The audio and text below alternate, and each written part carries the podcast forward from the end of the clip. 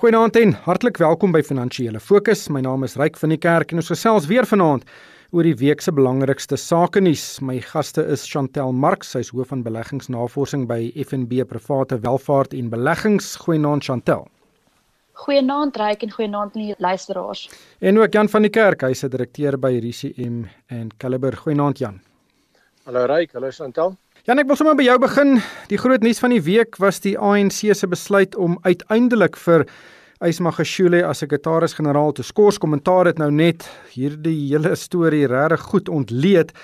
Maar Jan, ek dink daar kan taamlike interessante gevolge vir ons ekonomie, markte en ook sakevertroue wees. Want wat vir my opmerklik was, is dat die storie taamlik wye blootstelling in die internasionale media gehad het en hierdie reaksie was oorwegend positief. Dit was basies 'n gelukkige gebeur daar nou iets in Suid-Afrika om korrupsie te bekamp en en in teenstelling daarmee gedink die reaksie in Suid-Afrika was staamlik skepties en amper sinies veral oor wat dit vir die bekamping van korrupsie beteken. Hoe som jy hierdie hele storie op? Ja, Ryk, ek dink ons moet aanvaar dis 'n volgende hoofstuk in 'n lang sage ons lees maar meestal die beleggingsnuus internasionaal en jy's reg van tyd tot tyd uh, word Suid-Afrika daar genoem en hierdie ontwikkeling was redelik positief genoem in die internasionale nuus.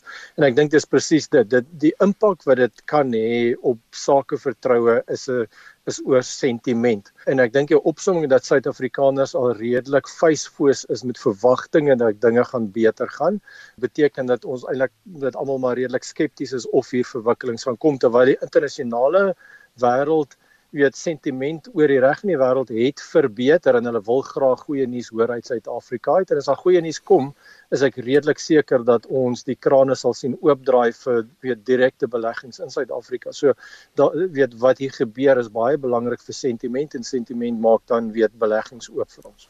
Ja, Chantel, dit is positief. Eh, ek stem met Jan saam, maar mens moet ook nou nie dink dit gaan die uh, buitelandse beleggers nou laat stroom na Suid-Afrika toe nie. Hoe dink jy moet mense dit interpreteer uit 'n potensiële beleggingsperspektief? Kyk, ek dink waarna internasionale beleggers kyk is politieke stabiliteit meer as die die korrupsie gedeelte daarvan alhoewel dit ook belangrik is. Maar mens soek politieke stabiliteit in 'n mark waarin jy belê of direk of in sy finansiële markte. En as mens in 'n regerende party verskillende faksies het wat teen mekaar beklei, dan dan is dit nie 'n dit is nie 'n stabiele situasie nie. So van my perspektief af dink ek net die stabiliteit wat hierdie miskien kan bring as alles uitgesorteer word en as die as die besluit staan op die einde van die dag. Ek dink dit gaan bietjie meer van 'n impak hê. En dan ook dink ek dit dit stuur 'n belangrike boodskap ook dat ANC is bereid om werk te doen aan homself en ek dink en ek hoop dat dit ook 'n boodskap kan stuur miskien na beleggers toe in Suid-Afrikaners oor die algemeen dat ons dalk van hierdie strukturele hervormings wat baie beklei word en baie teengestaan word deur sekere faksies binne in die regerende party ook op tot 'n mate kan kan begin traksie vang. Ja, ek stem saam met jou. Ek ek dink mense moet dit net erken dat dinge begin beweeg. Nou die wiel binne die ANC draai baie baie stadig, maar ten minste het hy dan nou gedraai en ons moet dit erken en ek dink ons moet ook realistiese verwagtinge hê van wat nou gaan gebeur. Ek dink baie keer wil mense hê in Suid-Afrika dinge moet vinniger gebeur, maar ek dink die realiteit is dat dit nie altyd die geval is nie. Maar Jan, kom ons gesels oor nog 'n interessante en positiewe storie. En dit is dat die twee eienoomsgroepe Liberty 2 Degrees en Attack hierdie week gesê het hulle sien al hoe meer voete in hulle winkelsentrums reg oor die land en Hulle sien ook dat mense meer geld daar begin uitgee. En in die konteks van die die virus en die inperking en die vrese dat mense kan siek raak in openbare areas en ook dat baie mense hulle inkomste verloor het of 'n verminderde inkomste nou ontvang, is dit nog 'n interessante tendens. Het dit jou verras? Ryk nee, dit dis nie verrassend nie. Ek dink dis natuurlik dat mense meer gemaklik raak en ek dink dat mense meer sekerheid het oor hoe hulle self uh, en hulle self kan hanteer in die omgewing van 'n virus wat maar vir 'n lang tyd by ons gaan wees. En mense weet het nodig om uit te kom, inkopies te doen en ontspanning te kry. Uh so dis duidelik dat mense dit nou weet waag om in in in die verkoop op die sentrums te kom en ook die weer is besig om te verander sodat raak winter, so mense kan nie so baie tyd buite spandeer nie. So ek dink dis nie 'n verrassing nie. Wat ons moet sien is of dit volhoubaar is vir al die gedeelte van weet groter spandering want dis die belangrike ding vir die ekonomie. Wat meer en meer duidelik is dat daar's dele van die ekonomie wat regtig baie swaar gekry het, maar daar's ander dele van die ekonomie wat eintlik baie baie positief beïnvloed is deur die gebeure in die laaste jaar. So ek dink nie dat die ekonomie in totaal so seer gekry het nie. Dis nie dat sekere dele swaar gekry het. Daar's nog steeds baie ander mense wat eintlik goed daan daarin af is. Het jy dalk die afgelope maande wat meer gereeld winkelsentrums besoek? Nee, ek self het dit nie gedoen nie, maar um, ek verstaan ander mense. Chantel, was was jy een van daai ekstra mense in die winkelsentrums? Nee, verbaasend was ek ook nie. Ek is regtig nie eintlik 'n winkelsentrum mens nie, maar ek en ek en Jan is in die mindere as dit by by nie winkelsentrum mense kom nie, want Suid-Afrikaners oor die algemeen hou daarvan om na winkelsentrums toe te gaan. En Jan het ook 'n belangrike punt gemaak. Mense gebruik hierdie uitstappies as vermaak en dit is hoekom ek dink spesifiek Liberty 2 degrees en Attack se winkelsentrums redelik goed presteer. Want mense kyk na winkelsentrums soos die Mall of Africa wat regtig nie net daar is om vinnig jou inkopies te gaan doen nie. Um Sandton City is ook is ook een van daai winkelsentrums en ek sal sien selfs dinge gaan beter by by sentrums soos Melrose Arch en ook by Nelson Mandela Square wat langs Sandton City is, maar meer gefokus is op restaurante. Ja, Liberty 2 degrees besit Sandton City in 'n Texas. Se groot bate is die Mall of Africa daarin Midrand. Maar Jan, is hierdie vir jou 'n simptoom van miskien 'n vinniger as verwagte herstel in die groter ekonomie? Ja, ek ek dink dit dit is beslis 'n deel wat sê die ekonomie is besig om vinniger te herstel as wat ek dink almal van ons 'n jaar terug verwag het. En dis wat ons in die res van die wêreld sien, maar jy moenie onderskat die hoeveelheid van regeringsondersteuning wat dit nodig gehad het nie. So dit in die res van die wêreld word baie geld spandeer in Suid-Afrika het ons regering nie so baie spandeer nie. En ek dink die een ding wat ons moet dophou is die weet die addisionele COVID uh, toelaag wat mense ontvang het, het tot 'n einde gekom en ek wonder of mense sal sien hoe dit impak het op ons kleinhandelaars in die volgende paar maande. Chantal? Ja, Ryk, ek dink die 'n verdere impak kan dalk hierdie derde vlaag wees, ehm um, wat ons nou verwag uh, van COVID-19 in Suid-Afrika. En dit is nog vroeg, dit is nog vroeg daar. Ek meen dit het nog nie dit nog nie verskriklik opgeneem nie, maar daar's definitief ehm um, tekens dat ons dalk aan die begin van 'n derde vlaag kan wees en dit kan weer dan 'n uh, 'n negatiewe impak op hierdie tipe van ekonomiese aktiwiteit hê. Ja, dit gaan interessant wees want hoe minder erg die derde golf gaan wees, hoe beter gaan dit met die ekonomie gaan en en natuurlik is die teenoorgestelde ook waar. Ek miskien net daar, ek dink jy moenie onderskat die hoeveelheid buitelandse valuta wat in die land inkom nie. Ek weet nie of hulle die handelsbalans hmm. dop hou nie, maar ehm um, weet Suid-Afrika het kumulatief een van die beste 6 maande handelsbalanse in 'n baie lang tyd gekry. So uh weet daar's baie geld wat van die buiteland af in Suid-Afrika inkom en dit help die ekonomie ook. En dis iets wat ek dink nie maklik was om vooruit te skat 'n jaar terug nie. Maar is dit vir die regte redes? Uh, is dit nie maar net dat ons pap ekonomiese groeikoers meebring dat ons minder produkte invoer nie terwyl ons uh, kommoditeite wat ons uitvoer uitstekend presteer nie? Ja, ek dink dit is vir weet daar daar's kommer daarin dat ons 'n wan weet 'n wanbalans in die groei het, maar kan jy dink dat ons binnelandse weet aanvraag pap was en kommoditeitspryse laag, dan was ons in 'n groter probleem. So ten minste is daar 'n kruk waarop die ekonomie kan leun. Chantel? Ja, en ek dink dat mens moet onthou dat sal met hierdie hoë kommoditeitspryse gaan daai geld nog steeds na mynmaatskappye maatskappye toe. Hulle belê steeds in die ekonomie. Ehm um, hulle betaal belasting op daai op daai geld wat hulle verdien. So op 'n manier kom daai geld wel terug in die stelsel in.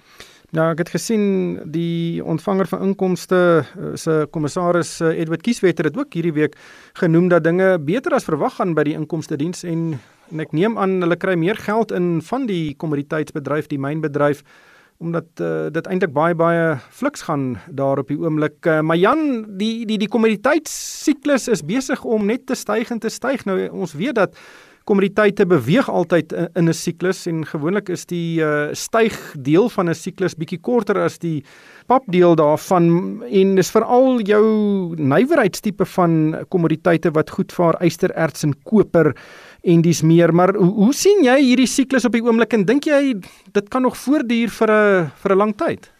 Ja, Ryk, ek dink jy weet dis nie net die industriële kommoditeite wat styg nie, as jy kyk internasionaal, weet houtpryse het gestyg. Ehm um, weet ehm uh, um, lemoensappryse wat ook 'n kommoditeit is, vleispryse, koffie. So wat ons sien is 'n 'n breë toename in die prys van kommoditeite reg oor die wêreld en ek dink dis nog ver van oor af en dis 'n gevolg daarvan dat daar baie um, kontant in die in die ekonomie ingekom het. Uh en dat produksie verlede jaar bietjie ingekort is in baie plekke. So ek dink jy weet daar's nog baie ruimte vir sekere kommoditeite om te styg. Uh en die resultate daarvan ek dink jy weet Sibanye Stillwater hierdie hierdie week het gesê hulle 20 biljoen rand in een kwartaal gemaak. Ehm um, weet so dis ongelooflik die die die resultaat wat dit bring vir baie van ons maatskappye. Nou die groot kommoditeite wat Suid-Afrika produseer ehm um, ystererts, steenkool, platinum groepmetale en goud. Wat wat dink jy is die die toekomsverwagting vir vir daai metale? Ja, ek dink al daai kommuniteite het nog 'n baie sterk toekoms. Uh selfs Platinum wat vir jare lank niks gedoen het nie, begin ook nou beweeg. So uh, ek dink weet omdat die al daai pryse het al 'n klomp gestyg. Um ek dink die een wat uitstaan is koper, waar Suid-Afrika is nie 'n groot hmm. koper uh, produsent nie, maar selfs die koperpryse is besig om te beweeg. Ja, ek, ek het nou die dag gesien dat die Wes-Kaap is een van die grootste koperuitvoerders in Suid-Afrika hoewel daar geen kopermyne is nie. Dis natuurlik die diefstal van koperdraad, maar nou ja. Chantel, hoe, hoe lees jy die kommoditeitsmark? Kyk, ek dink as mens terugdink aan ehm um, aan so so so 10 jaar terug, ehm uh, miskien selfs 'n klein bietjie minder, was baie van hierdie mynmaatskappye in ongelooflike groot moeilikheid en hulle het besluite geneem in terme van uh kapitale uitleg wat nou 'n impak het. So baie van die mynmaatskappye het besluit hulle gaan nie nuwe projekte aanpak nie en as as gevolg daarvan het mens nou amper 'n tekort aan meeste van hierdie kommoditeite en dit gaan gepaard met al hierdie addisionele geld in die in die in die, in die wêreldse finansiële stelsel en daarom moet jy hoor aanvraag vir hierdie kommoditeite. Maar dit vat nie net 'n paar maande om 'n nuwe myn te ontwikkel um en op die been te bring en te begin produseer nie. Dit vat jare. So ek dink ons gaan dalk nou um bietjie beter uh, ons gaan nou weer beleggings sien in in um 'n nuwe produksie, maar dit kan nog 'n paar jaar wees voordat ons 'n 'n meningswaardige verskil gaan sien um aan aan die totale produksiesyfers en dus de, stem ek saam dat hierdie pryse nog vir 'n hele ruk redelik hoog kan bly. Ja, dit sal uh, dit sal baie baie vir Suid-Afrika beteken indien dit die geval is. Uh, so kom ons hou maar ons duime vas. Ja, net laastens, die Suid-Afrikaanse Lugdiens, een van die maatskappye wat ons nogal baie oor gesels hier op finansiële fokus.